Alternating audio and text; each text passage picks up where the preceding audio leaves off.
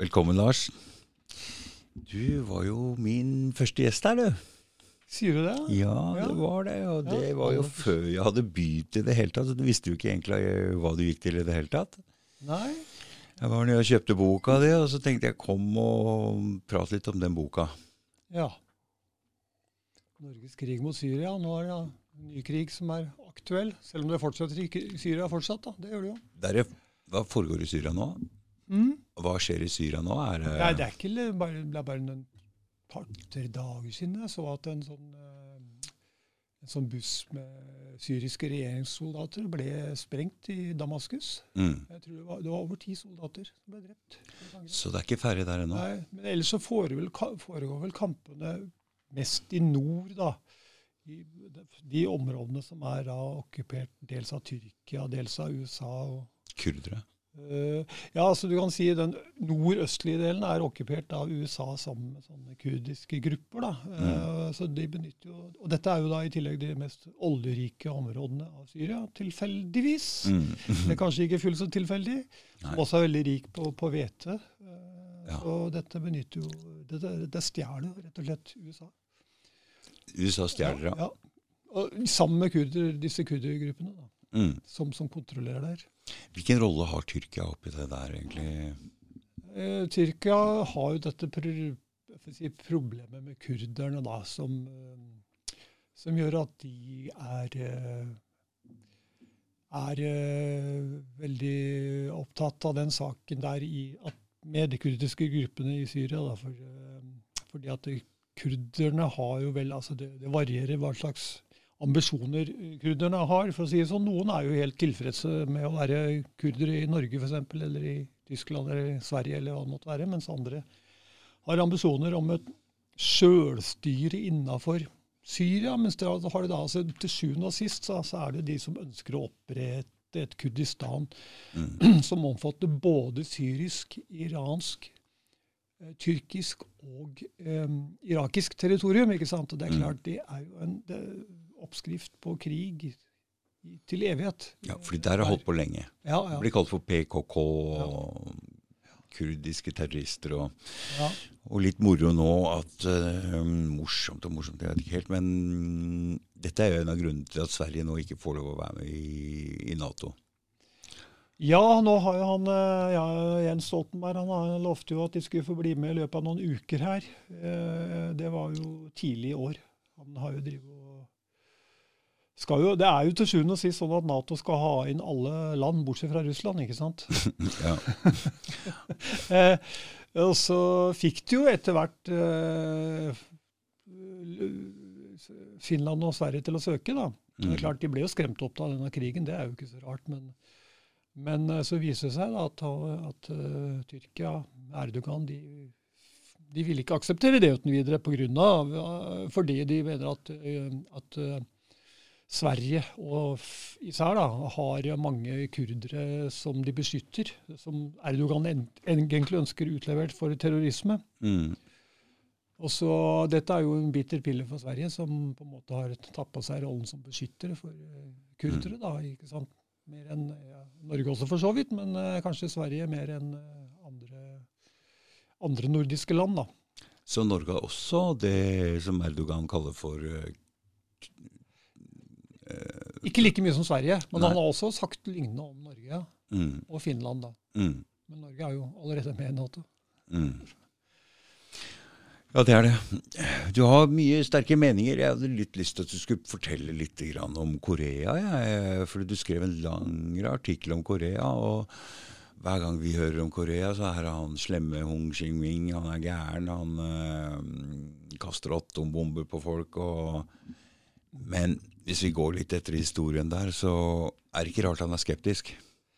Nei, nå vil ikke jeg kalle meg noen ekspert på Korea, eller, uh, men jeg har jo interessert meg en del for Nord-Korea etter hvert. Da, for eh, det er jo et land som um, har hatt uh, mye trøbbel, for å si det sånn. Um, etter, altså, under andre verdenskrig, Før og under andre verdenskrig så var de japansk okkupert av Japan. Mm. Og under andre verdenskrig så var, jo, så var det da nordkoreanere som samarbeida med USA osv. Mot, mot japsene. da. Mm. Eh, Når da andre verdenskrig mot, gikk mot slutten, så var det jo det fordi at bl.a. fordi at eh, Sovjetunionen kom inn fra nord Mm. og, og frigjorde eh, enorme områder av japansk okkuperte områder i Asia. Og deriblant Nord-Korea, den nordlige delen av de, Så de gikk inn i, altså i Korea nordfra. Og så stansa de da ved den 38.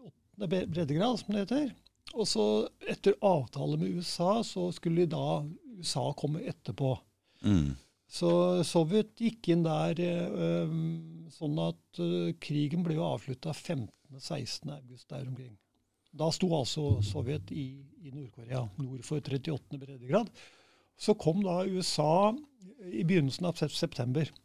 Mm. Da, etter avtalen med Sovjet, så fikk de overta da, den sørlige delen. Men da var det allerede etablert et slags selvstyre i hele Korea, som, som kalte seg for Folkerepublikken Korea. Det, var, det omfatta hele Korea. ikke sant? Mm. Så det var et uh, sjølstyre som egentlig var uh, noenlunde fungerende allerede. Men uh, det ville ikke USA ha noe av. Altså, Så de forbød denne folkerepublikken Korea. da. Og dermed så ble jo, ble jo på en måte Det ble begynnelsen til splittelsen av, av Korea, kan man kanskje si da. For det, da ble jo da Sovjet fortsatt stående i nord, ikke sant? Og, og, og de hadde akseptert denne folkerepublikken, for å si det sånn. Mm. Mens eh, USA valgte da å hente en, en koreaner som hadde bodd i eksil i USA i, i 20 års tid. Han heter Syngman Re. Så han overtok styre og stell i sør, det som skulle bli Sør-Korea. da. Mm.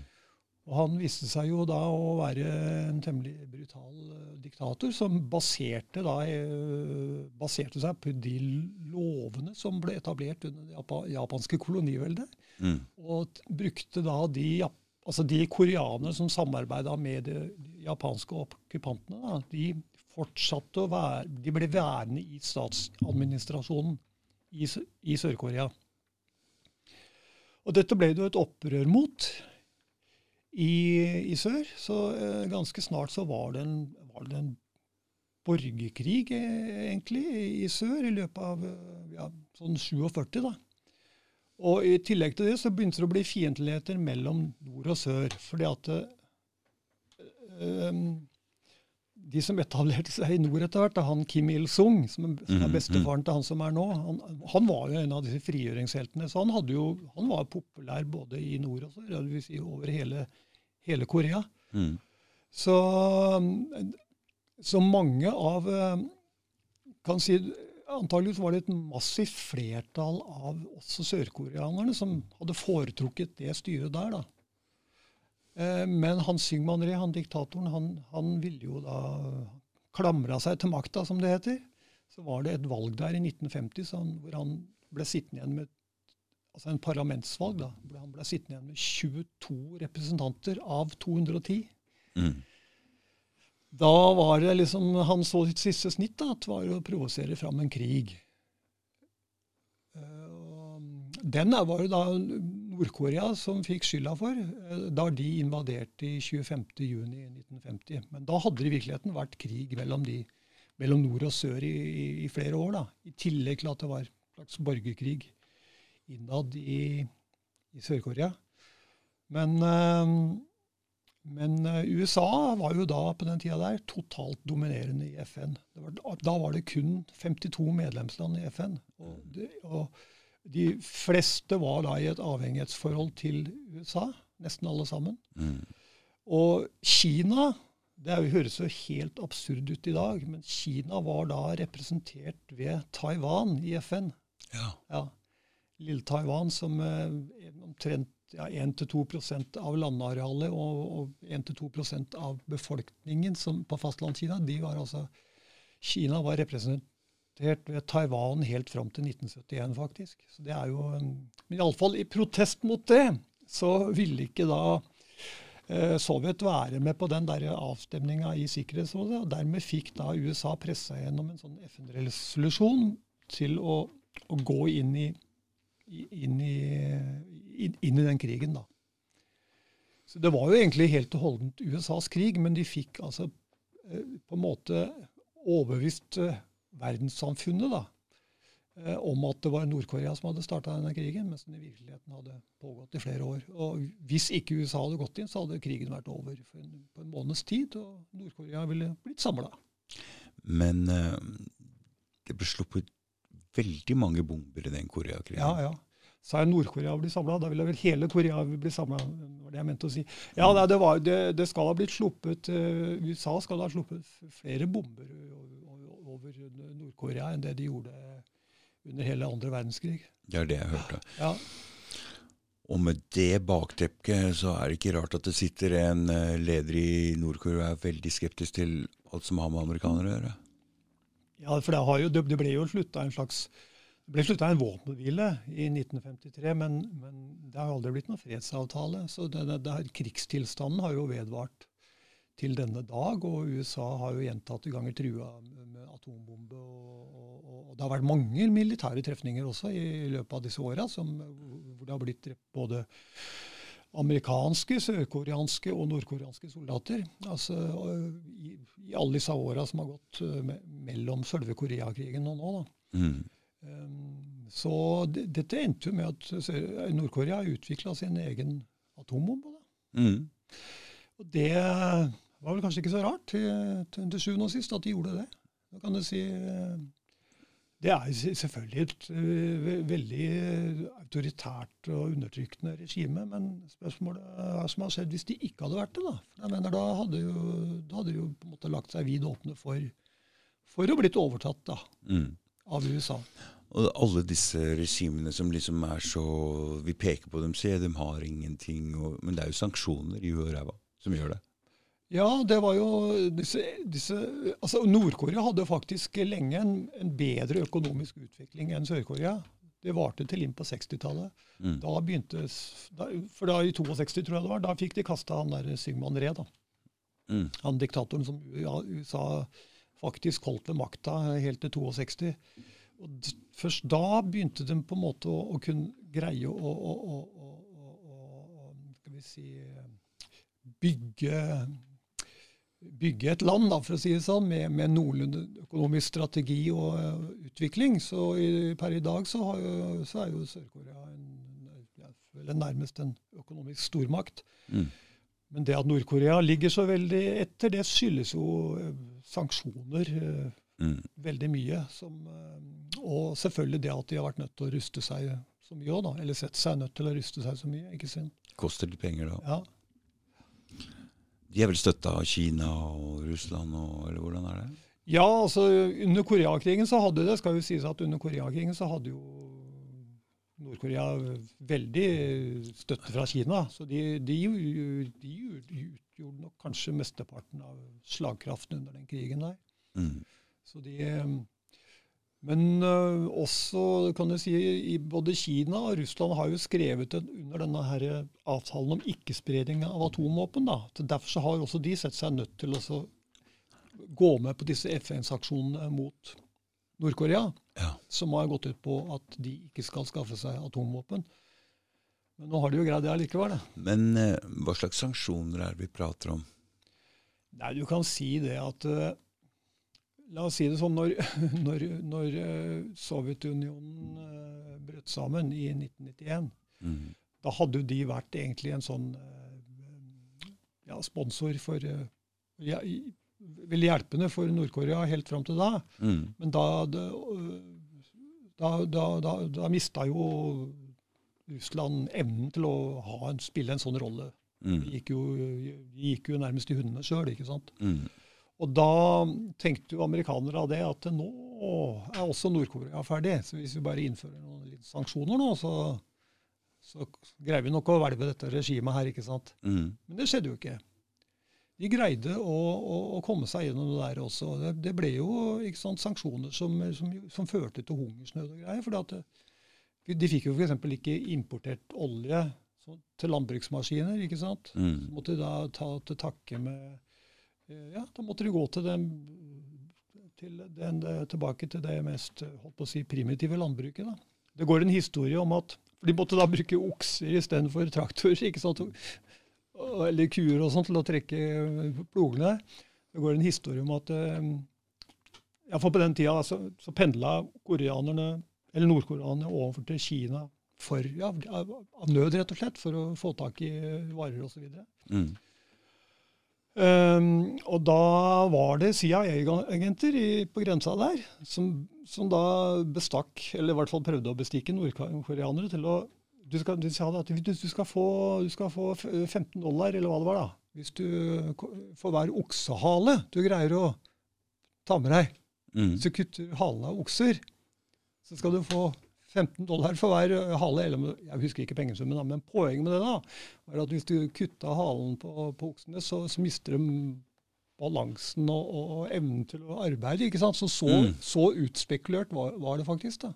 Mm.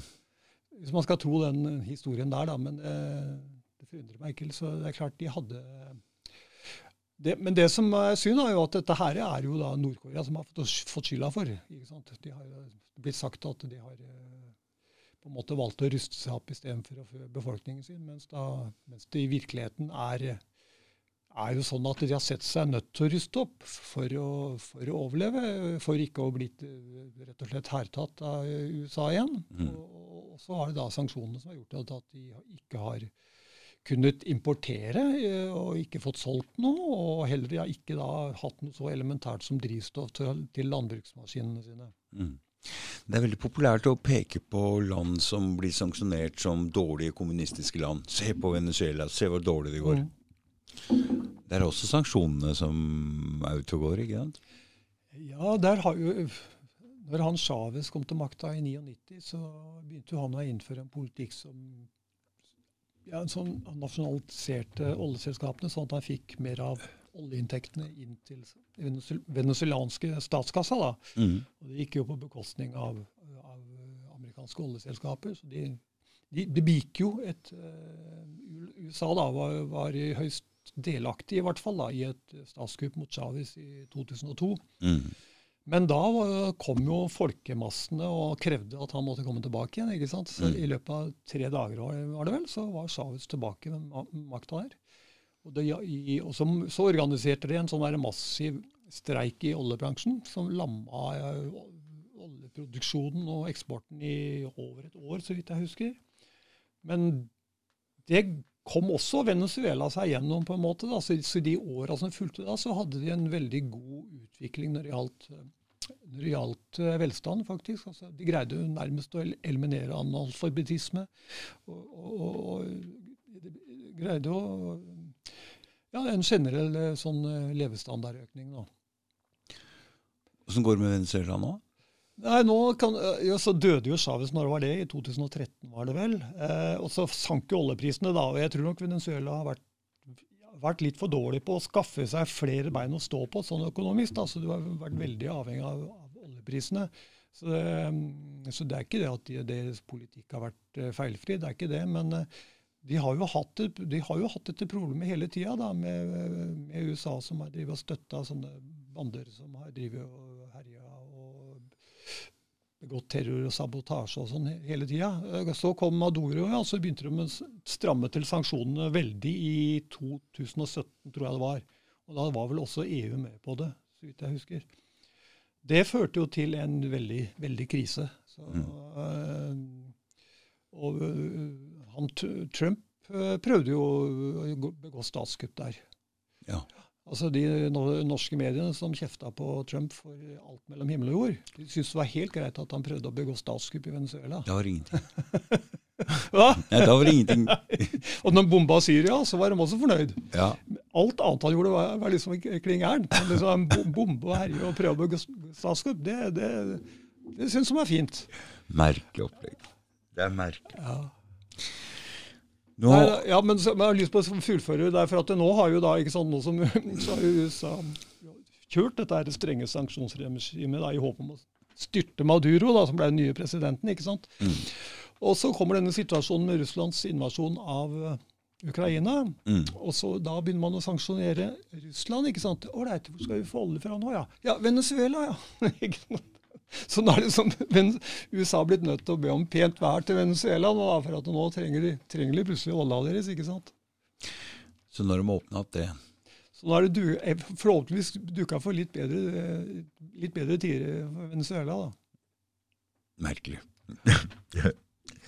Storpolitikk er noe eh, merkelige greier som vi ikke skjønner helt, eh, Lars. Det får, det får ikke blitt mer kynisk eh, enn det det er. altså.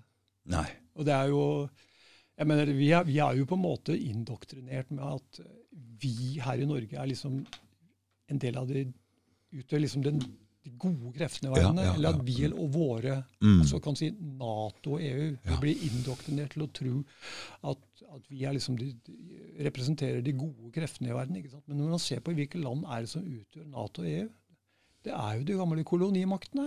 De Mm. har ikke gitt opp, de ga aldri opp å være kolonimakter, egentlig. Bare at det foregår på litt andre former. Mm. Med litt andre former. Jeg ser akkurat det samme. Mm. Uh, har du vært en sånn uh, Nato-motstander og sånn alt det? Ja, jeg har vel hatt sånn derre sånn, Jeg veit ikke. Sånn, jeg, Har du vært, uh, hvilket parti kom du fra? jeg, jeg pleide alltid å stemme SV. Mm.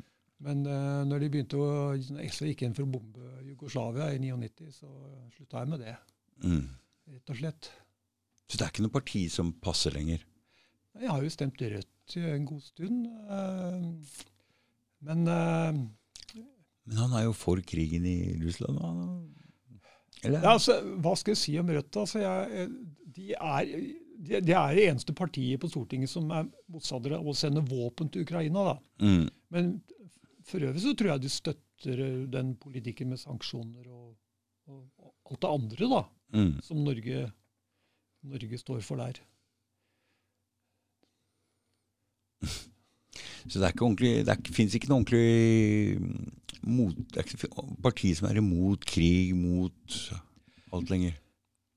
Nei, altså, Venstresida pleide jo å, å være da eh, egentlig Det var de som gikk i spissen for antikrigsdemonstrasjoner. Og, mm. og, og, men nå virker det nesten som jeg håper å si høyresida. Sida er mer, mer Hvor er- antikrig, hvor er an- antikrig enn venstresida. Hvor er antikrigsdemonstrasjonene?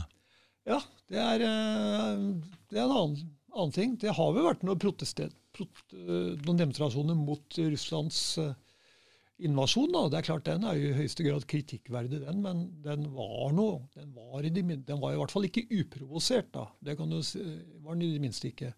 For Det har jo vært krig i Ukraina siden 2014, og det skyldtes et statskupp som, som Norge var med på å støtte også.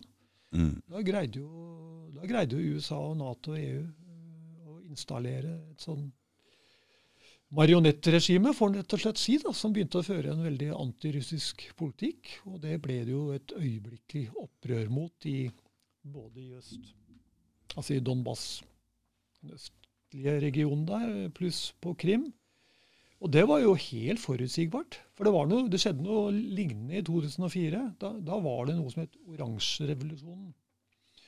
Da var man også redd for at det kunne bryte ut krig i Ukraina, faktisk. For da var det tilsvarende opprør eh, i øst, hvor de ønska da sjølstyre i øst. Mm. Men så kan du si at det løste seg opp ved at det ble et nytt valg, og så inngikk da opposisjonen no, no, noen kompromisser som, som berga situasjonen da i 2004. Og så da, det, da ble det innsatt en sånn eh, Jutsjenko, det husker sikkert han som, var, som, ble, som fikk den der eh, Stemmer det. Han som ble Mm. forgifta. Ja. Han var jo en veldig pen, og, pen mann, kan du si. Og så fikk han, ble han forgifta, så han så jo veldig eh, veldig stygg ut etterpå, for å si det som er. Som pløsete og, og sånn så- i ansiktet. det. Det skal ha vært forgiftningen. da. Det ble, ble vel aldri kjent hvem som gjorde det. Men, eh, men i alle fall, så det var jo selvfølgelig, det gjorde jo inntrykk på alle som så han, at uh, akkurat det der. Så jeg, han fikk nok en del gra gratis stemme på det, da, for å være litt kynisk. Men i alle fall så Dette var jo en, av, dette var jo en som en som, som USA, Nato og EU ville ha til president. De, Ja. de var veldig inn, involvert i den såkalte revolusjonen der også. Uh, det viste seg jo ganske fort at han uh, Jutsjenko førte en politikk som at han fikk eh, når, Allerede året etter så var det jo parlamentsvalg, og da fikk partiet hans ja, Det var i hvert fall fikk langt færre stemmer, da. Jeg husker ikke antallet. Og når det var nytt presidentvalg i 2010, da fikk en 5,5% Ble slått ut altså i første valgomgang med 5,5% Så var det feil med han, ja. ja. Og han ville jo ta, han ville jo ta Ukraina inn i Nato. Til tross for at det var stor motstand mot det i Ukraina, mm. så ville han da ta Ukraina inn i Nato. Eh, men eh, han førte også en politikk på andre områder som gjorde at han, eh, han, han Nato-yndlingen der eh, fikk bare 5,5 i, i 2010. Da Da kom han Janukovitsj, som var mer sånn Russland-vennlig, kan du si. da. Så Det var historien der. så han, eh, Det var ikke veldig stor stemning i Ukraina for å bli medlem i Nato? Nei, altså det var, jeg har sett noen menings, meningsmålinger fra 2009, 2010, 2012 var det vel, hvor, hvor, hvor eh, det, var, det, var, mer enn dobbelt så mange som så på Jeg husker ikke nøyaktig hvordan spørsmålsstillingen var, men jeg mener det var altså mer enn dobbelt så mange av ukrainerne som så på Nato som en trussel, enn som så på Nato som en, noe godt noe, da. Mm. Men allikevel så skulle altså Nato presse Ukraina inn i Nato. ikke sant? Mm. Eller rettere sagt USA og de ledende For Tyskland og Frankrike har hele tiden vært litt skeptiske til å ta inn Ukraina. Men uh, de, har jo, de, har jo, egentlig blitt snikinnmeldt. Det ser man jo nå. For de, de, blir jo forsvart altså Nato-landene forsvarer jo Ukraina som om det skulle ha vært et Nato-land. Omtrent. Ja. Mm. De har jo blitt væpna til tenna i løpet av disse åtte åra. Så har de blitt væpna til å ha Europas nest sterkeste hær mm. i løpet av de åtte åra. Og det er det Nato som har gjort. De har altså væpna Ukraina til krig mot Russland. Mm. Sånn at de var Europas nest sterkeste hær. Så til slutt for Russland så ble det jo spørsmålet skal vi vente til Nato har væpna Ukraina så mye at de blir sterkere enn oss. ikke sant? Mm. For Hensikten med det her var jo å føre krig mot Russland. Hvorfor vil de føre krig mot Russland, Lars? Det er, det er selvfølgelig har veldig mye med naturressurser å gjøre. Mm. Olje og gass. Mm. Så det, det, de, det de sier om Russland ikke sant, at ja, De snakker foraktelig om Russland, for de har, har ikke liksom noe ordentlig industri. og De er, de er bare sånn råvarenasjon.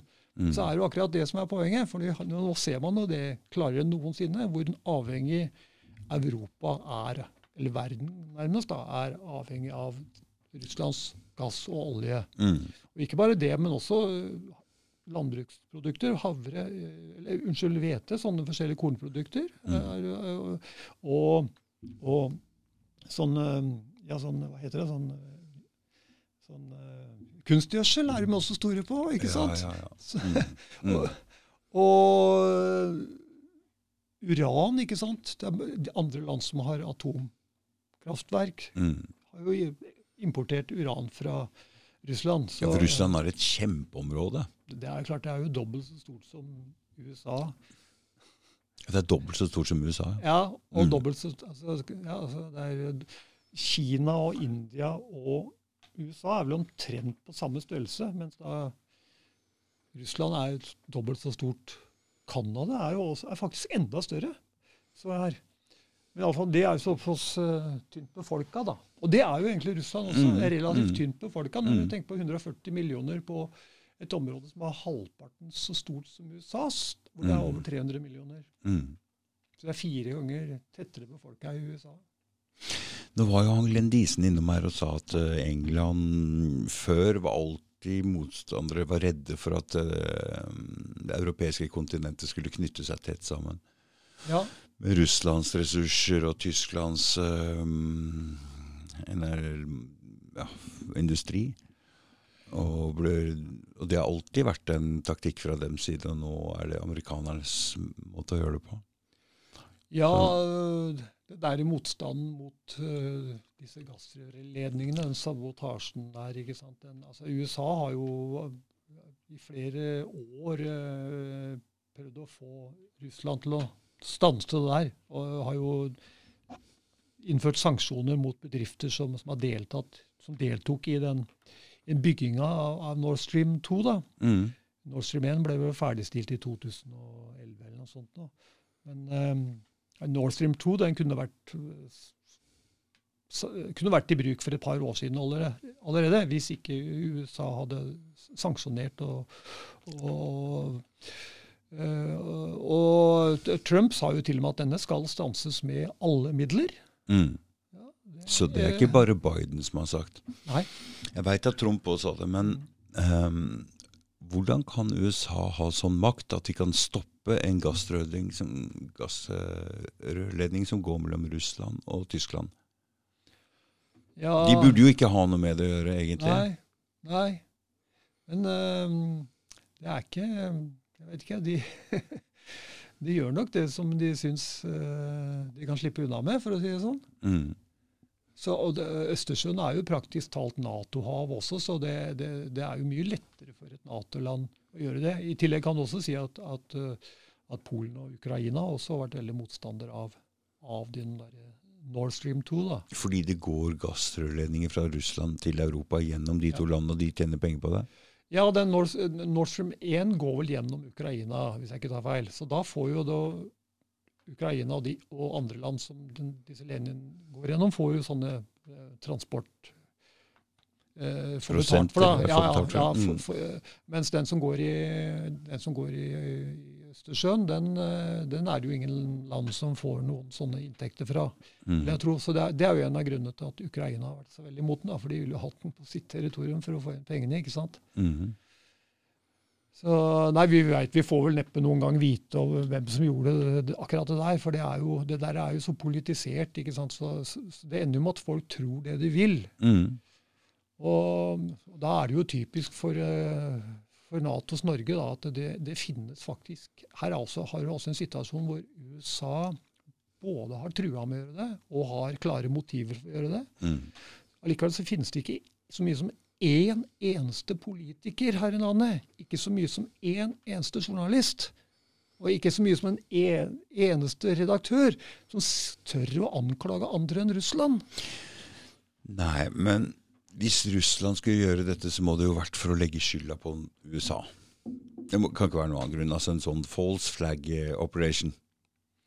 Det er jo en konspirasjonsteori som vi aldri har hørt godkjent noe annet sted. Noen har sagt det. Noen har sagt det. ja, men ingen, ingen stemmer utenom konspimiljøet har noen gang ja. påstått noe sånt. Ja. ja men da kan du, på, kan du, si at hvem er de De som har sagt det, er jo nettopp malt de, Eller for å si det på den måten, de som har komme med den konspirasjonsteorien, det er jo nettopp disse her Nato-fanatikerne. Ja. ja, Så de mener at Russland har gjort det mot seg sjøl ja. for å skylde på USA? Ja, altså Hvilke motiv Russland skulle ha for det, det er litt vanskelig å si. Men uh, er, de har jo tross alt kost, det kosta dem 100, 100 milliard Unnskyld. Jo, 100 milliarder kroner å bygge Nord Stream 2. Mm. Så skulle de sprenge ned lufta og ødelegge alle sine muligheter for å få inntekter seinere. Mm.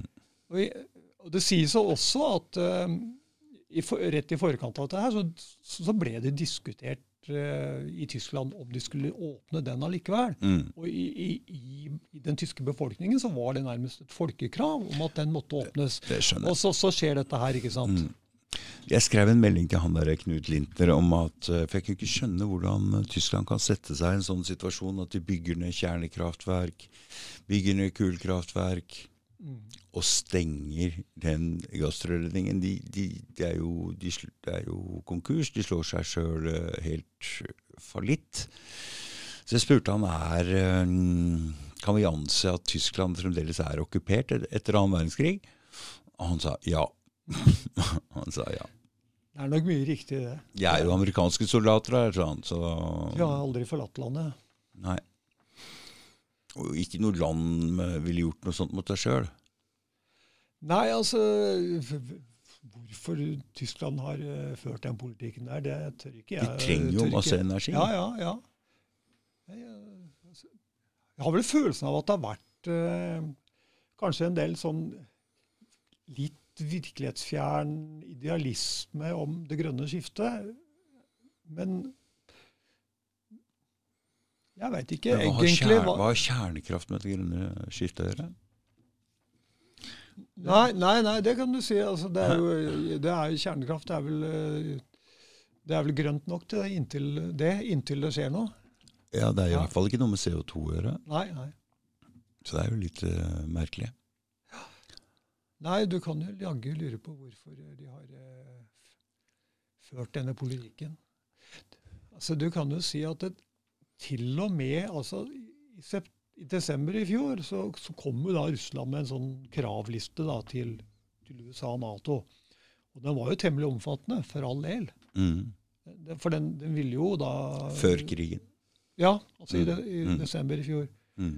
Den var jo temmelig omfattende, så den ville jo da ha, på en måte si, betydde at man gikk tilbake til tilstanden fra 1990 omtrent, da, sånn grovt sett. Okay. Så, men det at ingen vestlige politikere, altså selv ikke de politikere som trodde at Russland ville invadere, det gjaldt Joe Biden, Jonas Gahr Støre, Høyres Michael Tetzschner, de sa jo det på forhånd, at de trodde Russland ville komme til å invadere Ukraina. Ja. Allikevel så var de ikke villige til å komme med ett eneste bitte lite kompromiss. De kunne f.eks. ha sagt, begynt med ja, vi garanterer at Ukraina ikke, skal bli med i Nato. For det var et av kravene. Ja. De kunne ha garantert det. Altså at, at Ukraina forble nøytralt, Mm. som Finland var da, som Sverige var da, og som 150 andre land. Hvilken skjebne å være nøytral, liksom. Mm. Det kunne jo da Nato ha, ha gjort. Mm. Og da kunne, de, da kunne man hatt en samtale mellom Nato og Russland, ikke sant? Mm. Men de ville altså ikke komme med det lille kompromisset der engang. Og da tenker jeg at de, de ville egentlig at Russland skulle inva- invadere for å, for å få en sjanse til å gi, gi Russland et eh, holdt på å si i hvert fall uskadeliggjøre Russland sånn militært og sånn, da. Hm. Der kommer Hviterussland inn i bildet òg, vet du. Ja. For der har jo, der har de jo, har jo Nato og EU med Norge prøvde å styrte han Lukasjenko i over to år. Stemmer det. Etter at han gikk ut og sa at han ikke trodde på covid, kunne man drikke litt eh, vodka isteden. Hadde oppe fotballpanger og alt mulig, så var det forsøk på revolusjon der.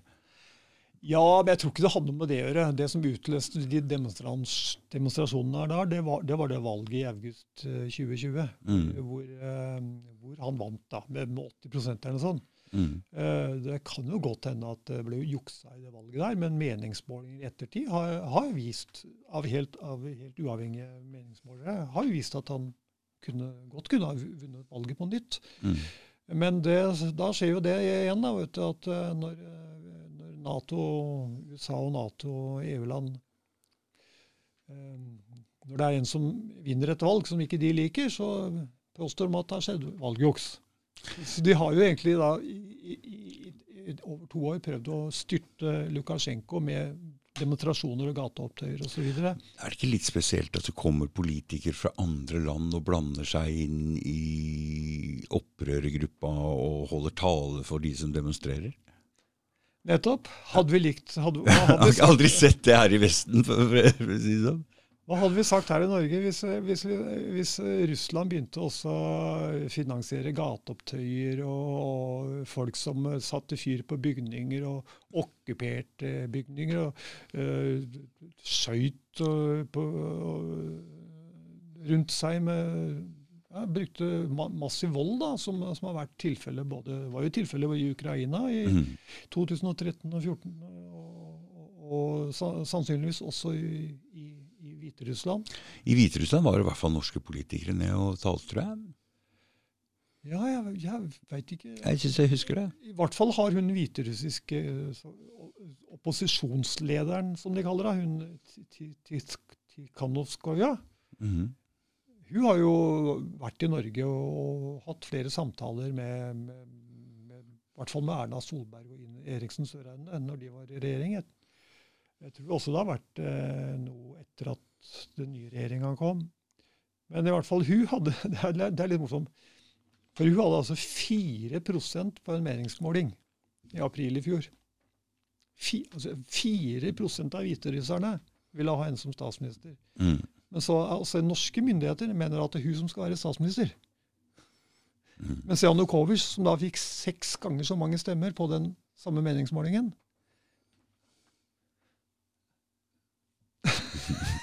du skal, du skal altså påtvinge land ledere de ikke vil ha. Og det er ikke noe rart at de ikke ville ha hun til Kanaskova, for hun oppfordrer jo til sanksjoner mot Hviterussland, som ødelegger industrien deres og arbeidsplassene. Og ikke bare det, men hun har også oppfordra til sabotasje i Hviterussland. Og det har foregått sabotasje eh, mot, eh, mot, eh, mot, jernbane og annet, for, som frakter våpen da, Mm. til eh, muligens, eh, muligens til Ukraina. Så det er klart eh, Det er jo for så vidt naturlig at det oppstår en motstand mot det. Men hvordan ser hviterusserne på det? Hva hadde nordmenn sagt hvis, hvis du eller jeg hadde begynt å begå sabotasje mot eh, jernbane, buss, fly som frakta våpen til Ukraina? Nei vi, vi ville jo blitt arrestert, og vi Ja, hadde jo ja. blitt for, forhatt i det norske folk. Ja, vi ser jo det at bare vi går i litt imot narrativet her om at vi ikke skal støtte Ukraina, så er det på en måte landsfred litt allerede. Ja, det er mange som har fått høre at man er Altså, det er jo Folk oppfører seg nå i, i Norge, veldig mange oppfører seg som om Russland har invadert Norge. Mm. Det har altså invadert et land som, har, som praktisk talt har ført krig mot Russland siden 2014. da. Mm. Og væpna seg til tennene for å gjøre nettopp det. Og denne krigen har jo drept 14, eh, rundt 15 000 mennesker. Øh, og noen sier eh, helt opp til 50 000, men i alle fall eh, det etablerte tallet er vel- rundt 15 000. Og det var før Russland invaderte.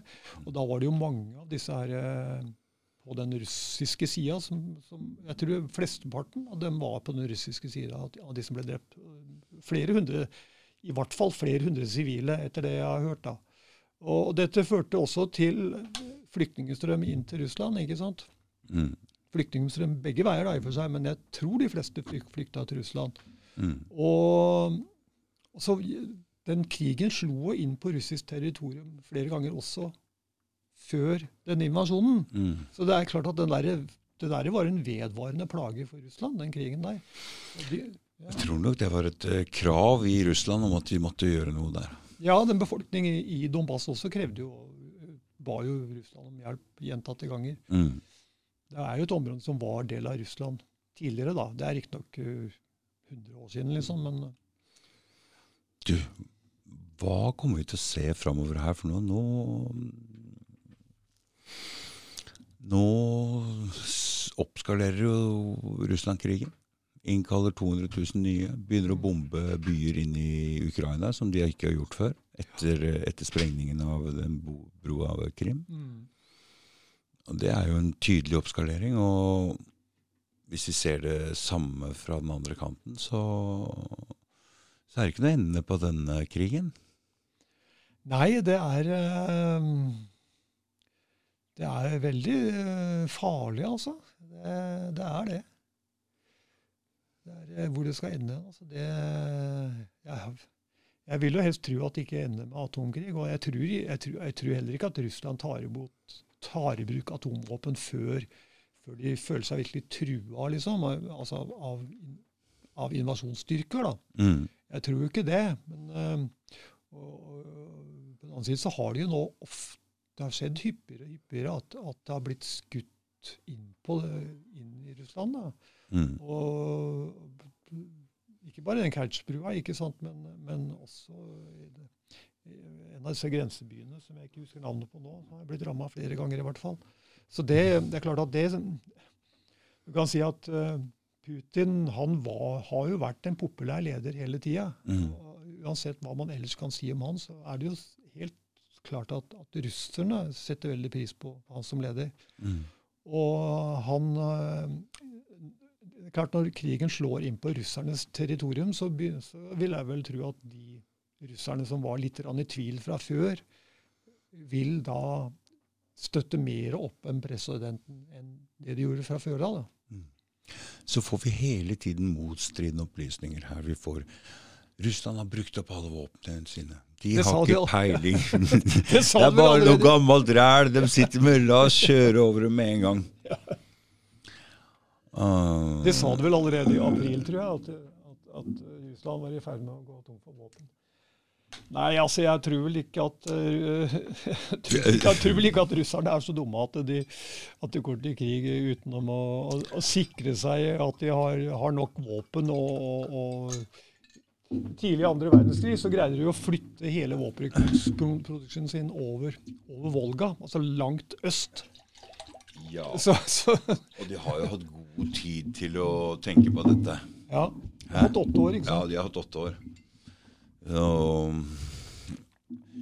du de får hjelp av Kina? Kina er nok en slags alliert, men jeg tror det skal nok mye til før Kina går inn med, men går inn i, hva i krigen, sånn for å si det ja, sånn. i krigen, men jeg Ja. tenker med våpenteknologi og sånne ting, og små duppeditter og elektri... Det er jo mye som skal til i et våpen.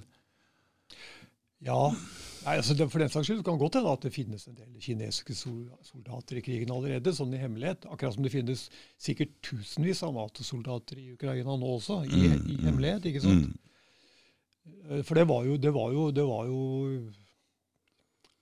Før invasjonen også, så var det jo, var det jo ja, Det var hundrevis eller, eller, eller, eller flere. eh, Så, så, var det jo Nato-folk, militære Nato-folk til å trene opp, trente opp den ukrainske hæren, ikke sant. Mm. Uh, så, så det er jo soldater, det også.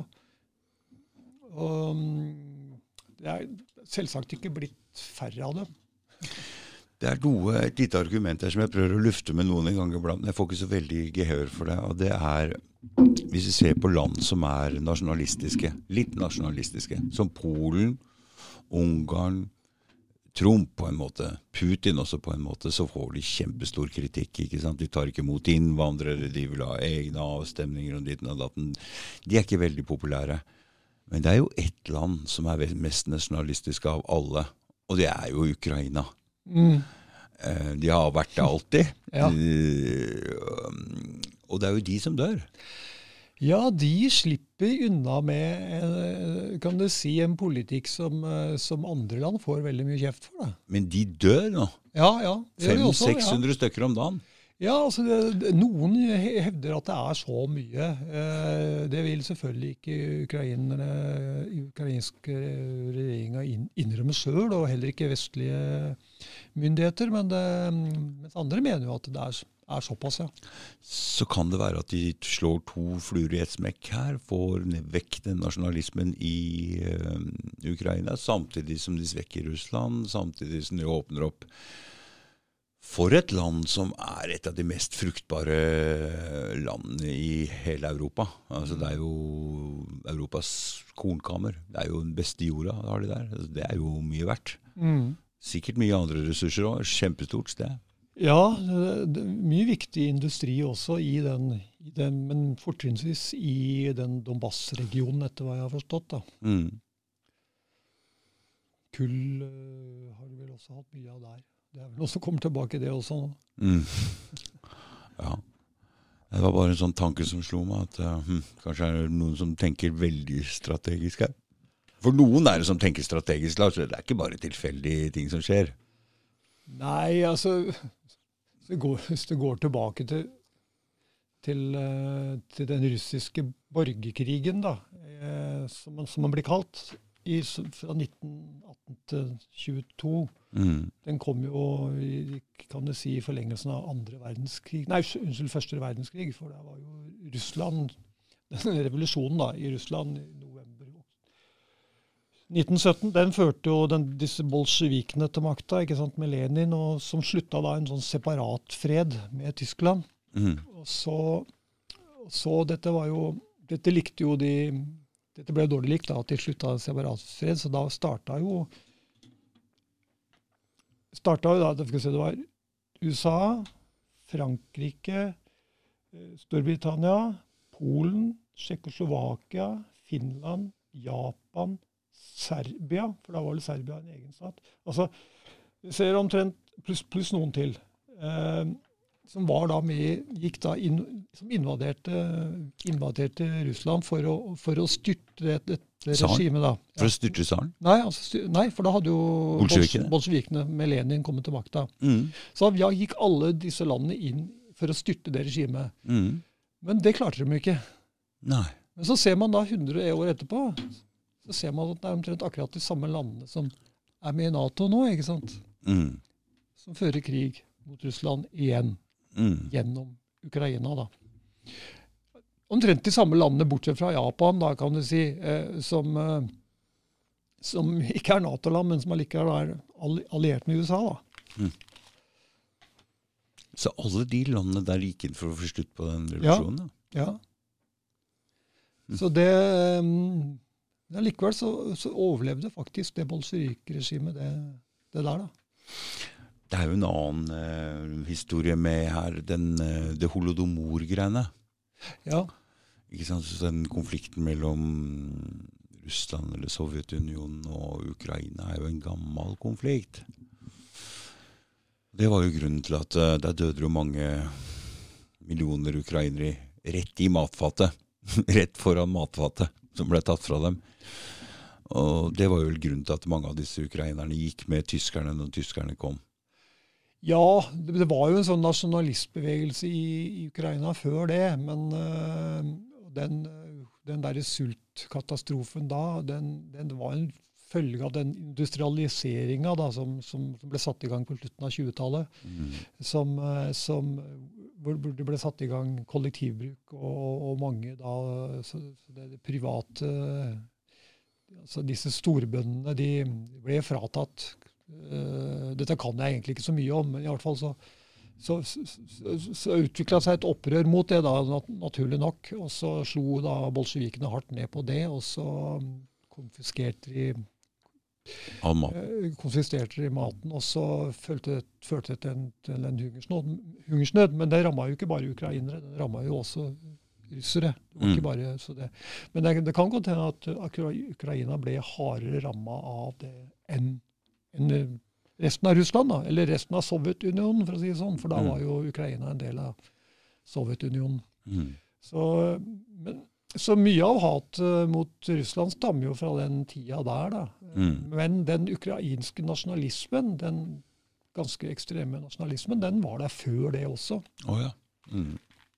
Men han Banderas, han lederen der, han havna jo i tysk fengsel på slutten, så han var ikke noe sånn veldig tyskervennlig heller, da, siden han Han, havna, han samarbeida først med Hitler og deltok i jødeutryddelser og d- d- drepte skal visstnok også, for at han førte også krig mot uh, Polen. ikke sant? Fordi at det, denne ukrainske nasjonal disse ukrainske nasjonalistene, altså Bandera er den, han er den mest kjente av dem, mm. ønska jo et Ukraina som omfatta deler av polsk territorium. ikke sant? Så Derfor så, Mm. så, så, så, så, så kriga de også mot polokker og, og, og drepte mange av dem da med, som alliert med, med Hitler. Mm. Men så ville jo Bandera og co. innføre en uh, ikke ukrainsk stat mens, mens, det, altså, mens det var Hitler som egentlig okkuperte området. da. Mm. Og det likte jo ikke Hitler. Så Nei. da ble han satt i fengsel. Mm. Men etterpå så, etter, så slapp han jo løs igjen, og da fortsatte han etter krigen da, så fortsatte han en slags krig mot Sovjetunionen, kan du si. Han ga seg ikke, han. Nei, da fortsatte han med sånn terror- sabotasjeaksjoner Mm, mm, inn, mm. inn i Sovjetunionen. Så han ble jo drept til slutt i, i 59 på grunn av. Han holdt på med annen verdenskrig helt ut i 59. Ja, ja, ja. Så de er noen tøffinger, de der eh, ukrainerne. Det er helt sikkert. Ja, altså, det du, altså jeg, jeg, jeg, vet- veit ikke hva vi skal kalle det, men, men det, er, jo en veldig Ja.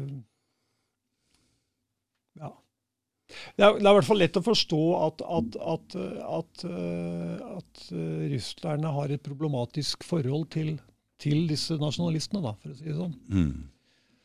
Fordi de samarbeida med Hitler, og fordi de faktisk uh, førte krig mot uh, Sovjet uh, også etter andre verdenskrig, med sabotasje og terror inni. Mm. Den ble visst aldri særlig effektiv, men de gjorde så godt de kunne. da. Ja.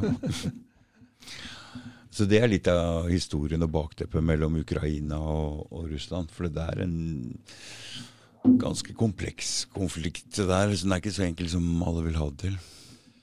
Nei, altså, så har jo Ukraina ikke sant? Det er jo et land som på sett og vis har holdt på å si, Jeg har, jeg har tenkt iblant på når kolonimaktene trakk seg ut av Afrika, sånn, da, så etterlot de seg grensene. ikke sant? Mm. De var jo ofte bare streker, rette mm. streker på et kart. Mm. ikke sant? Og I noen tilfeller så virka det jo veldig tilfeldige. Andre ganger så ble det satt for på en måte å splitte folkeslag ikke sant? for mm. å kunne herske også etter at de trakk seg ut. Mm. Eh, de grensene Russland hadde eh, inntil 2014, da, for å si det sånn, de da var jo Ukraina på sitt største. Fordi at, eh, For det første så var, ble jo Ukraina oppretta av, av, Lenin i 22. Og så fikk de da tilført den, den Donbas-regionen, som da ikke hadde vært del av Ukraina tidligere. Mm. Og så, i, i, løpet av andre verdenskrig, så fikk de da tilført deler av Polen. Mm. Ikke sant? Mm. Og så, i 1954, fikk de da tilført Krim. Mm som der hvor, der nesten sant, i hvert fall 70% av befolkningen er russere. da. Mm. Så der var det jo Allerede på 90-tallet så stemte beboerne på Krim to ganger for uavhengighet fra Ukraina, men det fikk de ikke. Um, men i 2014 så fikk de en sjanse til da, til å stemme for, for uh, gjenforening, får for si, da, med, med Russland. Og Da var det jo ikke så overraskende at de benytta sjansen til å gjøre det. Omstendighetene rundt det der er jo selvfølgelig, den kan diskuteres uh, for all del, men at, at, at, at, at liksom rundt 95% av beboerne på Krim foretrekker å være del av Russland, det er, det er helt åpenbart. Det er liksom både fordi at de er russere, de fleste av dem, og, fordi at det rett og slett betyr bedre levekår for dem. De får bedre lønninger, bedre pensjoner i det hele tatt. Mm. Hva er Nato, Lars? Hva Nato er? Ja. Ja, hvis vi skal tro dem sjøl, så er det en forsvarsallianse. Ja. Og, ikke, og ikke noe mer enn det. Nei. Nei, det er, jo, det er, jo, noe langt mer enn det. Altså. Men vi må jo gå litt etter og se hva de har drevet med, det der. Ja, ikke sant. Det første, han første den første generalsekretæren i Nato han het lord Han var engelsk lord. Lord Ismay. Jeg husker ikke hele navnet hans. Men han sa jo da at hensikten med Nato det var å holde uh, Nå husker jeg ikke helt ordrett, men det var sånn han sa at det var USA skulle holdes inne, tyskerne nede og russerne ute. Var det det? Ja.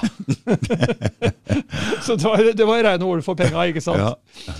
Så Eh, så det Nato ble jo da oppretta som en forsvarsallianse mot Sovjetunionen, da, men hvordan var han på en måte Ja, jeg mener at det der var, eh, var en, egentlig en stor propagandaløgn. Det, der, at Sovjet, det, har jo blitt, det har jo kommet for dagen også etterpå at Sovjetunionen hadde aldri noen hensikter om å angripe Norge, f.eks.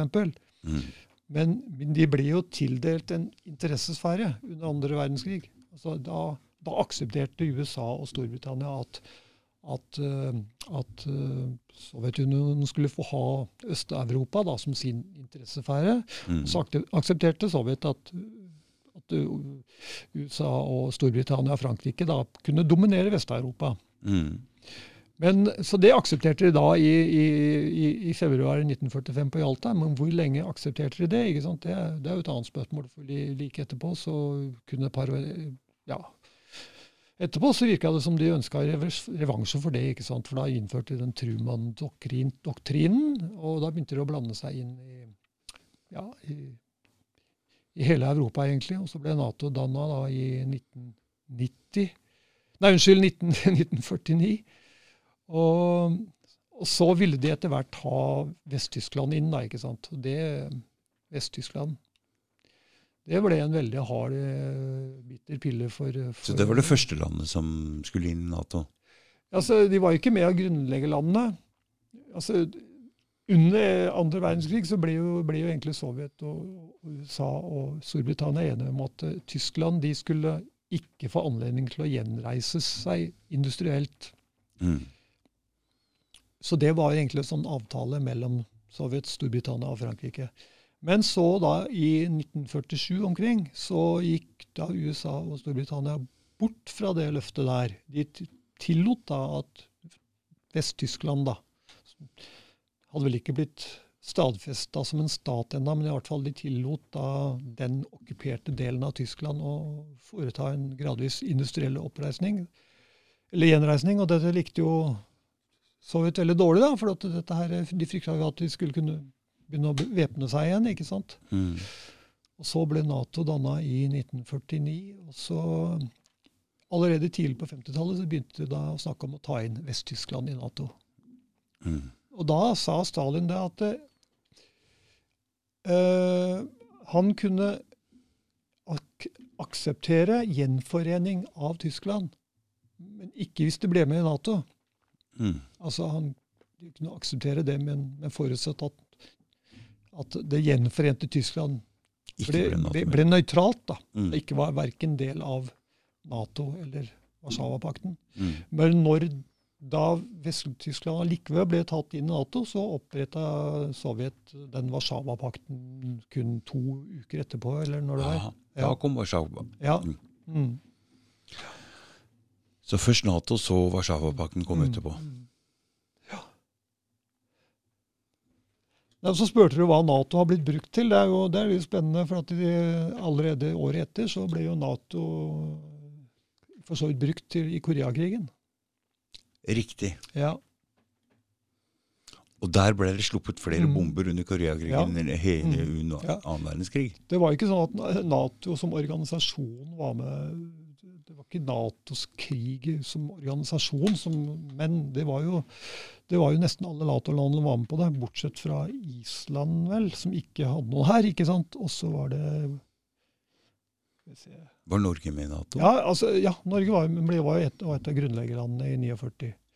Så Norge var med der, offisielt bare med sånn sanitær og sånn Altså sånn leger og sykepleiere og sånt, da, men i virkeligheten så hadde jo Norge soldater også i den, i den grusomme krigen der. Da. Det var jo, Mm. Ja, for det var en grusom krig. Ja, det, altså, den, var vel omtrent, omtrent like ille som Vietnamkrigen. Mm. Og, Nesten, nesten ingen som prater om det, er ganske glemt. og Alt vi hører er han slemme diktatoren der som er helt gal med en atombombe som alle er redd for. og mm. Det er det vi hører. Ja. Jeg- ja, jeg skrev, skrev etter hvert sju artikler om, om det der, om det der, da. Som eh, under, navnet 'Det urokkelige regimet'. Det ligger på steigan.no, for de som lurer på det. Eh, Det er veldig altså Uansett hva man kan si om det nordkoreanske styresettet, da, så, så er det jo klart at det er jo faktisk helt fenomenalt at de har greid å holde seg mot den overmakten i alle disse åra. Mm. Og nå, nå har de jo Nå er det blitt 25 millioner mennesker òg, liksom. Og det er et land som er halvparten så stort som Norge. Og de har eh, væpna seg til tenna. Eh, de har, det er jo noe de har sett seg nødt til å gjøre. Men væpna seg til tenna, hvor farlig er det militæret der for andre? Jeg tror ikke Nord-Korea er Siden du selger opp en kinaputte i ny og ne som streifer Japan, liksom, så er det ikke så jævlig farlig. Du klarer ikke å invadere noen de der. Nei, det er klart det er skremmende å få sånt, øh, og, sånt over, over, over eget territorium. Jeg vet ikke akkurat hvor de har, mye det har vært over Japans territorium heller, men det er klart det er skremmende. Og det, og det er vel kanskje det, til dels det som er meninga også, at de vil vise litt muskler, for å si det sånn. Mm. Men øh, det er jo ikke Nord-Korea som driver og fører krig mot øh, andre, andre land liksom i, i tide og utide. Det er det jo USA og andre Nato-land som gjør. Inkludert Mm. Norge har jo vært involvert i ti kriger siden 1990. Ti kriger. Ja, Første var Jugoslavia. ja først, eh, aller første var jo den, den første Irak-krigen i 1991. Mm. Den fikk jo riktignok et FN-mandat, da. Mm. Men det var jo fordi at USA pressa det gjennom, ikke sant. Mm. Som Koreakrigen. Så de eneste krigene som har hatt FN-mandat, det er jo Koreakrigen i 1950, den krigen mot Irak i 1991. Hva betyr FN-mandat? Det betyr at, eh, at eh, FNs sikkerhetsråd da, vedtar en resolusjon som tillater da, eller pålegger verdenssamfunnet Er på en måte en lovlig krig, da? Ja, du kan mm. si at da blir, da, da blir krigen lovlig. Mm. Det, de eneste krigene i, eh, som har hatt det, hatt det, som mandat, det er vel, så vidt jeg vet og husker, Koreakrigen i 1950, den krigen mot Irak i 1991 og eh, bombinga i Libya. Mm. Alle krigene bombinga i Libya. Ja, det fikk også en FN-mandat. Men alle krigene ble, ble, fikk jo et mandat fordi det USA og Nato-land pressa det fram. Mm. Og alle mandatene ble kraftig overskredet. Mm. Eh, hvor var vi jo? Også Jugoslavia. Det var jo, det var jo det landet ble jo delt opp i seks i løpet av 90-tallet. Eh, det er en som, krig jeg ikke skjønner veldig mye av, eller veit veldig mye om. Hva er det egentlig som skjedde der? Jeg tør ikke påstå at jeg veit så veldig mye sjøl, men uh, til å begynne med så, så, så, så, får jeg vel si at uh, For å si litt enkelt, da, så jeg vil si at jeg, at jeg til å begynne med ble veldig lurt av denne krigspropagandaen mot serberne. Mm. For, det, for, det, for det var de som ble utmalt som skurker her, egentlig. I, ja, også i, etterkant. Han Milosevic måtte ja, stå i krigsrett. Og, mm. og, også, og de er russevennlige? Ja, så du kan si de er de som er mest russanvennlige. russlandvennlige. Og Jeg skal ikke si for mye om den krigen der, men i hvert fall så, så, så når Nato til slutt bomba Jugoslavia i 1999, så, så var, det, var, det, rett og slett fordi at de leverte et ultimatum da, til de serbiske legene, lederne, som var helt de, de, visste at de ikke ville akseptere det. Det har til og med Henry Kissinger sagt i ettertid. De leverte et ultimatum. Hvis dere ikke gjør sånn og sånn, og sånn, og sånn, og sånn så bomber vi dere. Mm. Og de visste altså at serberne kom til å si nei til det, og de sa nei, og så satte de i gang bombe. Mm. Og da, hva, slags, hva slags type bombing er det i forhold til hva Russland driver med nå i Ukraina, f.eks.? Bomba de byer? Bomba de tettsteder? Ja, i høyeste grad. De bomba jo Sivile mål? Ja, ja, absolutt. Men er det lov? Nei, det er jo ikke det. Så den, den krigen der var like ulovlig den som den krigen i Russland fører nå, da. I Ukraina. Bortsett fra at den, den, eh, den bomminga av Jugoslavia i 99 den var jo helt uprovosert også, for det var ingen Nato-land som hadde blitt angrepet av, Jugoslavia eller av serberne. Mm. Men uh, den bombinga pågikk, pågikk i, i, vel 70 dager, hvis jeg ikke husker feil. Mm. Og da Hva har skjedd med Jugoslavia? Det ble delt i seks er det seks land. Det er da eh, skal vi se, det er Slovenia, Montenegro, Nord-Makedonia, eh, eh, Kroatia, og så er det Ser Serbia eller Jeg husker ikke hele navnet. Og så er Kosovo, da, men den er sånn ikke anerkjent. I alle fall, det er til sammen seks, seks stater, da. Mm. Hvorav alle ikke er helt anerkjente. Men i alle fall, de fleste av disse har jo blitt medlemmer av Nato mm. og, og, eller EU. Mm. Og der, før det så var Jugoslavia et sånn halvveis delt mot Sovjet, eller? De, de, de, hadde vel en slags sånn uavhengig rolle. De, de var på, på, sett og vis eh, en del av den østblokken, eller, eller del av Russlands interessesfære, som, som, som mestmakt aksepterte under andre verdenskrig. Mm. Men samtidig hadde de en sånn fri stilling. Eh, mm. Jugoslavia var vel det eneste landet som stemte mot Koreakrigen, så vidt jeg husker. Ja i, i Sikkerhetsrådet den gangen. Eh, så ser man da at nesten alle de landene da har blitt medlemmer av Nato og EU. Det hadde jo ikke vært mulig hvis Jugoslavia hadde bestått. ikke sant? Nei. Så der begynte den snikinnføringa av Nato-land. Mm. Så var det krigene i Somalia. ikke sant? Der var også Norge med. Det var på 90-tallet. Og så kom Afghanistan. ikke sant? Da er vi oppe i fire. Eh, og så er det Irak igjen. Fem. Eh, Libya seks. Syria sju. Eh, og så da Ukraina nå åtte. Ja, da er det et par jeg ikke husker, men det skal være ti til sammen da, som mm. Norge har vært involvert i siden 1990. Det er bare Norge, men USA har ei lang liste. Ja, ja. Ikke sant? Hele Sør-Amerika og Mm. alt som kan krype og gå. og De er vel i krig hvert eneste år. USA har Er, vel er, det, det sier seg sjøl, vi er ikke på de gode Vi er ikke på det gode laget. Nei, altså nå, Det er, det er uh, skal jeg si? altså Nato, Hvis man ser på det, da, hvilke land var det som danna Nato? Jeg sa det i stad. Det var disse kolonimaktene, rett og slett. Mm, mm, Og størsteparten av, eller i hvert fall store deler av Nato-landets eh, budsjetter de første åra, mm. første to-tre tiårene, gikk jo til gikk jo, ble brukt for at Storbritannia, Frankrike, Portugal, eh, Spania skulle klare å beholde sine kolonimak- kolonier Mm, i Afrika og Asia. ikke sant? mm, Så det var, og dette hjalp USA dem med. mm. Så skal jeg ikke gå for langt i detaljer her, men i hvert fall er det helt sikkert at store deler av, disse, av Nato-budsjettet gikk til å prøve å beholde koloniene. Men koloniene mista jo, mista de jo etter hver en etter en. Altså Mm. Frankrike hadde jo hele Indokina, som Mm, inkluderte Vietnam, Laos og Kambodsja. Mm, Mista de jo, eh, ikke sant? Storbrit de også hadde jo de hadde også Algerie. mm, Eh, Storbritannia hadde vi da i, i, i Afrika ja, de, i, de, De hadde jo hadde jo Hongkong i Kina, og, og Portugal hadde afrikanske kolonier. altså det, Alle disse detaljene her kjenner jeg ikke, men i hvert fall så, så var, ble store deler av budsjettene brukt til det. da, Men det var jo kan du si, forgjeves. Det ble mange kriger og millioner av mennesker som døde av det, men, men koloniene fikk jo etter hvert sin frihet, nesten, nesten alle sammen. da. mm. Og dermed så har det blitt også nå så Nå er det 193 land i FN.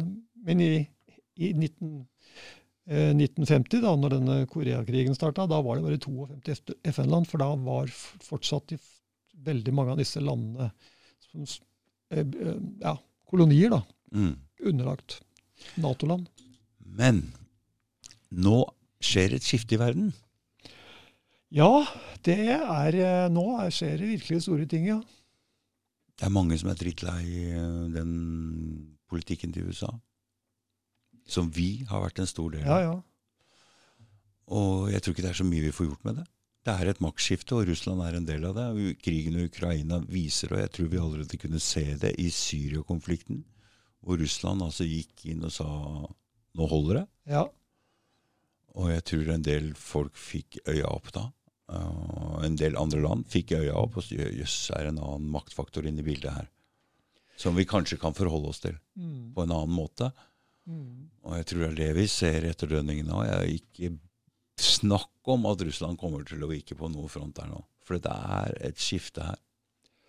Ja, det, har, det var nok det der i Syria som kanskje ble det bitreste nederlaget, får en si, da, for USA. For eh, de hadde jo USA la i 2001 så la de opp en slagplan for krig både mot Libya, Syria, Irak, Iran.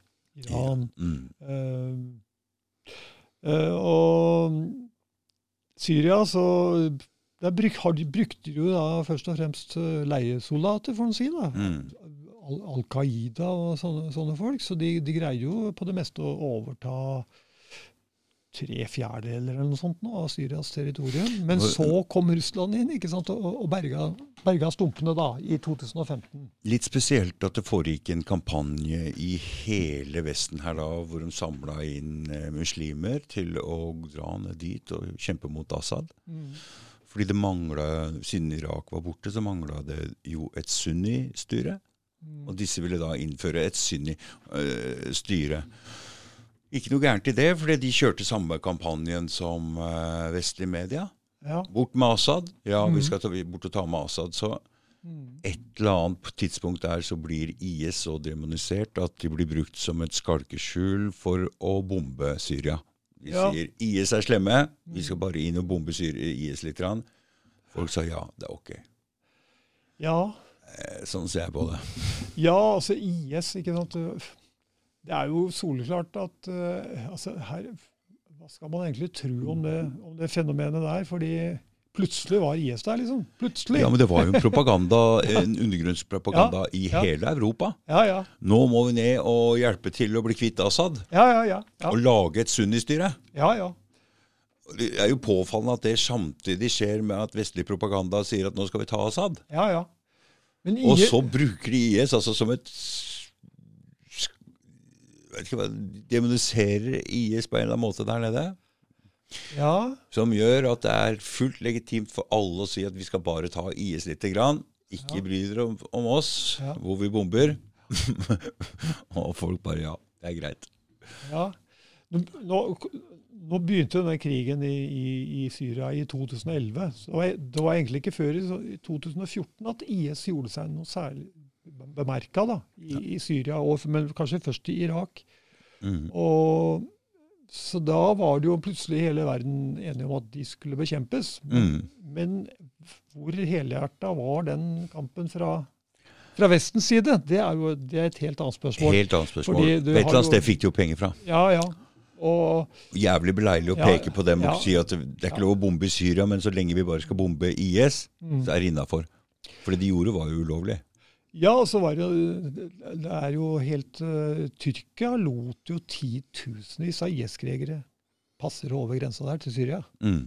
Dette her var jo dette var alle klar over. Mm. Og, og hvis, hvis Nato hadde vært interessert i å bekjempe IS, så hadde de jo hindra dem å komme inn i Syria i utgangspunktet. Mm, mm, Så, så det er klart at de, de, IS har blitt brukt uh, i den krigen mot Syria. mm, mm. På flere måter. Ja, Etterpå som et sånt skalkeskjul Ja, ja, ja. til å gå inn og bombe. Legitimere Ja, bombingen ja. der inne. Fordi alle de landene som gikk inn og bomba i Israel, alle kunne gå inn og bombe. De bare sa vi skal bare ta IS. Folk bare sa ja, det er greit, det. er fint. ja. Men det de gjorde, var jo bombe inn i Syria. Som de ikke hadde lov til i det hele tatt. ja eh, IS og Al Qaida, disse forskjellige islamistgruppene ikke sant? De, de, Disse enkeltmedlemmene av, av disse gruppene de gikk jo fra gruppe til gruppe, de liksom ettersom hvem som betalte best, og, Mm. og, og, og hvor kompisene deres var. Mm. Jeg, jeg leste et tilfelle hvor det var en som var i en sånn, en sånn uh, veldig sånn uh, fundamentalistisk uh, islamistgruppe, da, Mm. hvor det var røykeforbud. så, Mm. så ble, da, da aksepterte han å gå ned i lønn litt i en annen gruppe hvor det ikke var en annen terrorgruppe hvor det ikke var røykeforbud. da. Ja, men altså, som eh, Hvis jeg hadde vært muslim sjøl og vært litt sint på Vesten og følt at jeg hadde trang til å gå ut og oppleve noe, så skulle jeg ikke si sikkert at ikke jeg hadde tatt bagen og pakka og dratt ned dit og hjelpa til sjøl. Altså. Det var den stemningen som var i Europa nå på den tiden. Det var jo selvfølgelig Det tiltrekker seg mange eventyr og det, ja, fra Norge også. Jeg, jeg, kjenner jeg, jeg kjenner vil ikke si at jeg kjente, men jeg, en som dro ned og hadde en idé. Jeg vet ikke hva han gikk ut på, men han ble, han ble drept av IS. Mm, mm. Eh, um, men eh, Nei, USA ville jo, de ville jo, de ville jo bombe Syria i 2013, for da påsto de at Assad hadde begått et sånn kjemisk angrep. Mm, samme som, det- det ble- samme, det ble- ble- samme som Saddam. Ja, ja. Eh, men da, da var jo da var Russland smarte, vet du. For da foreslo de at skal vi ikke heller ta oss og mm, bli enige om eh, at vi avvæpner Syria for kjemiske våpen? For de hadde kjemiske våpen. Mm, Syria. Mm, Men spørsmålet var hvem som hadde begått dette angrepet. Det, det, visste man jo ikke, selv om Mm. det var mange som påsto at de visste det. da. USA og Nato de, de hevda selvfølgelig at det var Assad som hadde gjort det, for å få et påskudd til å bombe. mm, Men så kom da ut, Russland med det forslaget om at vi hei, skal vi ikke bli enige om å heller avvæpne og Dette var jo også norske våpeninspektører med på å gjøre. Mm. Så det var jo jeg kan si, en sånn der diplomatisk fjær i hatten for, for, for, uh, for Russland, da, som stoppa bombinga i, i første omgang. mm. Dette er jo det samme argumentet de brukte for å ta Saddam Hussein. Ja, ja. ja. Brukte Ja. kjemiske våpen mot egen, egen befolkning. Ja. ja. Da gikk det vel mer på atomvåpen, eller de kalte, det- de kalte det da masseødeleggelsesvåpen. Men lot det være underforstått at det var atomvåpen. Da, men det, ble jo, aldri- det var, var en propagandaløgn, det også. ikke sant? Mm. Kan vi stole på folk som ljuger til oss én, to, tre ganger? Skal vi tro Hvor mange ganger kan vi stole på de samme folka? For, for meg holder det med en gang, ass. ja, ikke høre på det mer. ja, nå, er det, nå er det noen som sier da at uh, siden Russland, nei, unnskyld, siden USA fikk rett i det der at, US, at Russland skulle invadere Ukraina. Ja, så nå må vi begynne å stole på Ja, USA igjen, fordi at, fordi at de fikk rett i det. Det er Men- ikke rart, for de visste akkurat hvor mye de skulle provosere. Så de visste omtrent hvor skoen trykka, eller uh, hvor de trykka hen. Trykka de akkurat litt for mye der, så kom det en uh, invasjon. Så Ja, det er eh, åpenbart at, at, at det der ble, ble provosert for sammen. Det var der de, derfor de kunne si det med såpass stor sikkerhet. Mm. Men, men det skal også sies at, de sa at Russland ville gjøre det på en bestemt dato. mm, Og det skjedde jo ikke. Nei. Det skjedde jo, det skjedde jo seinere, da. Men eh, Ja. Jeg veit at du var ute og si 'nei da', sa Lars. Det skjer ikke. hva? Nei, Du var sånn 'nei da, det skjer ikke'. nei men det var ikke mange som trodde det, da. Nei da. Nei. Til og med ikke, ikke engang han forsvarssjef øh, trodde det, egentlig. Og Veldig, få som trodde på det. Så Mm. Jeg var nok kanskje litt mer breial enn de andre. det, det, skal, det skal sies. Man må være litt breial. Du, øh, kommer det noen ny bok? Ja, jeg leverte manus til en øh, ny bok i tirsdag i forrige uke. Mm -hmm. jeg håper på det, det hadde vært selvfølgelig ideelt å ha den klar til, øh, julesalget, men det er nok litt urealistisk. Så- Hvor lang tid tar det fra man lever inn et manus? Skal det omleses og gjøres om litt og sendes tilbake igjen og kladdes litt på og sånne ting? Ja, forrige gang så tok det ja, jeg er jo ikke sant, jeg er jo sånn, egentlig, Dette er jo sånn, egentlig sånn leneprosjekt som jeg fikk litt hjelp med forrige gang. Da, som jeg fikk litt hjelp med på tampen, så da av en fyr som tilbød seg. Mm. Og så da brukte nok tre-fire måneder på det, tror jeg. Og så bearbeide manus og få, Et- det over, få det over i noe som var klart til trykking av en bok. da. Mm. Nå har jeg et annet forlag og, og hvor det er litt flere folk inne. Så, jeg, så sånn sett så har jeg håp om at det, at det kan gå litt fortere den gangen her. Mm. Men, men, men selv om altså, et,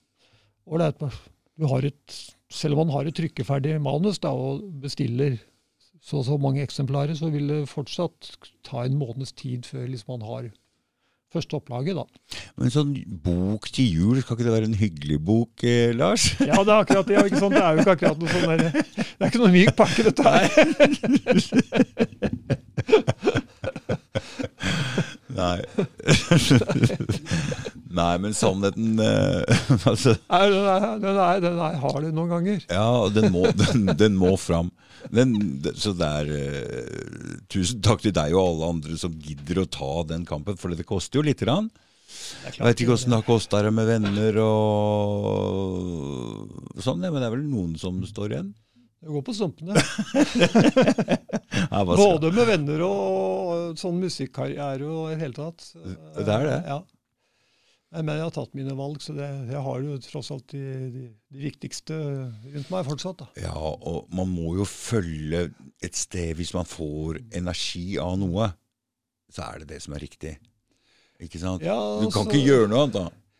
Nei, altså... Og nå det- det er- sitter du med all den viten ikke sant? Ja, og graver deg inn i det, og Ja, du må jo ut et sted. Ja, det er klart man lærer jo veldig mye av dette også, ikke sant. Mm. Jeg, jeg, har jo, jeg har jo vært øh, aktiv i sånne internettdebatter i 20 år, ikke sant. Og, og øh, man blir jo nødt til å lese opp, ikke sant. Mm, hvis ikke så kan du ikke ha en debatt. Nei, nei og, og, og man lærer veldig mye av å få, veldig mye kjeft og, og Så begynte jeg på Facebook sånn i 2011, tror jeg det var. Og, og da, da, da gikk det jo litt mer på sånn personlig. Da var det venner som så det, osv. Så, videre. Ja, så da kunne det bli noen harde tak. Og, men det er særlig etter denne invasjonen av Russland, så er det jo folk som liksom har brutt eller som har plutselig mener at jeg er nazist, liksom. Eller fascist. Helt, helt, helt, helt, helt tullinger. Ikke ta deg så nær av det, for det stakkars Mette Kallager til og med var nazist her når hun gikk ut og kritiserte noe av covid-regimet. Så nazister, det må vi regne med å bli. Selv om det er litt langt unna for noen. Nei, altså jeg, har, jeg har vært vant til å være litt sånn aleine, stå aleine hele livet. Jeg, så det Mm. er egentlig ganske godt rusta men, Ja, men er du, so mentalt til er du sologitarist, da? Nei, nei, nei. Nei, nei altså, nei, altså som musiker så har jeg begynt jeg med trommer, og så, så har det jo vært sang og gitar Det er jo en del av kompet. Ja, Det ja, er ja. ikke en som står aleine. Nei, nei, nei. Nei da. Mm. Ja. Nei, jeg, jeg som sagt jeg er litt klein og sliten i dag. Men Ja. vi står nå noe mer å si, Lars, som du kommer på? Jeg tror jeg har vært innom det viktigste nå. Mm. Jeg. Interessant det som skjer i Iran også, men eh, det, er, Ja, det, får, vi, det, ja. det får vi bare Ja, får vi- det er interessant, ja. fordi jeg så det med en gang. Ja. Uh, Jaså, ja. En av vennene til Russland, ja. Da, Ja. da skjønner vi tegninga. Altså, det er i hvert fall, he, fall helt soleklart at eh, USA og Israel er, er involvert i det der. Og Mm. De har jo bokstavelig talt nesten bokstavelig talt ført krig mot Iran siden 1980. ikke sant? Mm, Den der mm. krigen mellom Iran og Irak, da, det var jo, Mm. det var jo USA som oppmuntra Irak til å gå til krig mot Iran, og som, som støtta og til og med aktivt bomba Iran osv. Mm. i løpet av de åtte åra den krigen der varte. Og, Mm. og, og, men de greide jo ikke å bli kvitt dette presteregimet, da, som selvfølgelig er, er autoritært og, avskyelig på mange måter. Men jeg, jeg tror vel de har blitt litt mer moderate etter hvert. Mm. Men fortsatt selvfølgelig er er det jo undertrykkende. Og, Men men, ikke, men, men ikke sant, når det, det hender jo at det dør en person i politiets varetekt i Norge òg, eller, Mm. at no, eller at noen blir skutt av politiet, for den saks skyld. Men det blir da ikke borgerkrig her i landet av den grunn. Nei. Så når det skjer i Iran, så tenker jeg at her er det, her er det noen som benytter seg av dette her Ja, ja. til, til, til å lage, lage ting mye større enn det er. Og det er klart at du kan gå ut fra at, eh, at eh, USA og Israel hadde sikkert flere hundre agenter inne i Iran fra før. ikke sant? Og Mm. de har jo i løpet av alle disse åra begått en Mm. mengde tilfeller av sabotasje og terror inne i Iran. Mm. Drepte han, for eksempel Den mest kjente er vel når de drepte han Soleimani i, Mm, for mm, et par år siden. mm. Med, med en rakett som drepte både han Det var en iransk krigshelt, så det ble jo det ble det virkelig landesorg av. ikke Mm. sant? For han var en krigshelt fra den krigen mellom Iran og Irak på 80-tallet. Tenk deg hvis Iran hadde hatt et litt mildere styre og ingenting å kritisere. Da hadde de blitt virkelig farlige. Det hadde de funnet på noe å kritisere, så dere. Uansett hva det er. De, Mm. hvis ikke det er det ene, så hadde, så hadde de funnet på noe annet. Men da hadde det vært en mye farligere fiende for Israel og USA. Ja, Hvis de ikke hadde hatt eh, autoritære prestestyre. ja jo. Så Det, det, kan du, det kan du si. Men, jeg tror det, det er, men, men da hadde de vel funnet på noe annet. For det hvem var han som sa det ene? Jo, det var han eh, Ja, for det hjalp ikke med Saddam Hussein, for han var jo ikke det. Nei, nettopp. nettopp. Så det hjalp heller ingenting. Hva heter han? Han, eh, han som er i Nobelkomiteen? Han, eh, han i Asle, Asle Toje. Ja, Asle Toje. Han er en ganske frittalende fyr. mm. Han sa jo det i et, i et intervju eller en artikkel for noen måneder siden, at, eh, at, at, eh, at eh, liksom ledere i, i, i Afrika og Asia og sånn, de har, de har mista fullstendig tilliten til vestlige ledere. For at de- kan, vestlige ledere de kan komme med et krav til et land, og så innfrir de det kravet, og så kommer de med nye krav. Det er liksom, De finner alltid på noe de skal ta disse landene for. Mm. Så, så om is, kan på at hvis Iran hadde på en måte innfridd alle Mm. For å si det sånn, da, kvitta seg med det der hijab-påbudet, Mm. så hadde de funnet på noe annet. Mm. Og det hjalp jo ikke noe om Gaddafi. Hadde vel egentlig ikke så veldig mye å kritisere han for heller. Nei, altså det, det blir jo påstått at han, at han bedrev Ja, ja, men- men, dette sant, var jo det kan du jo si mot alle. Ja, det var jo, det var jo et sånn Al Qaida-opprør som var finansiert av USA og, og Frankrike og Qatar og Saudi-Arabia og sånne Mm. land, ikke sant. Mm. Sånn er verden. Ja. Tusen takk for at du kom, eh, Lars. ja, Hyggelig. Ha det. takk i like måte.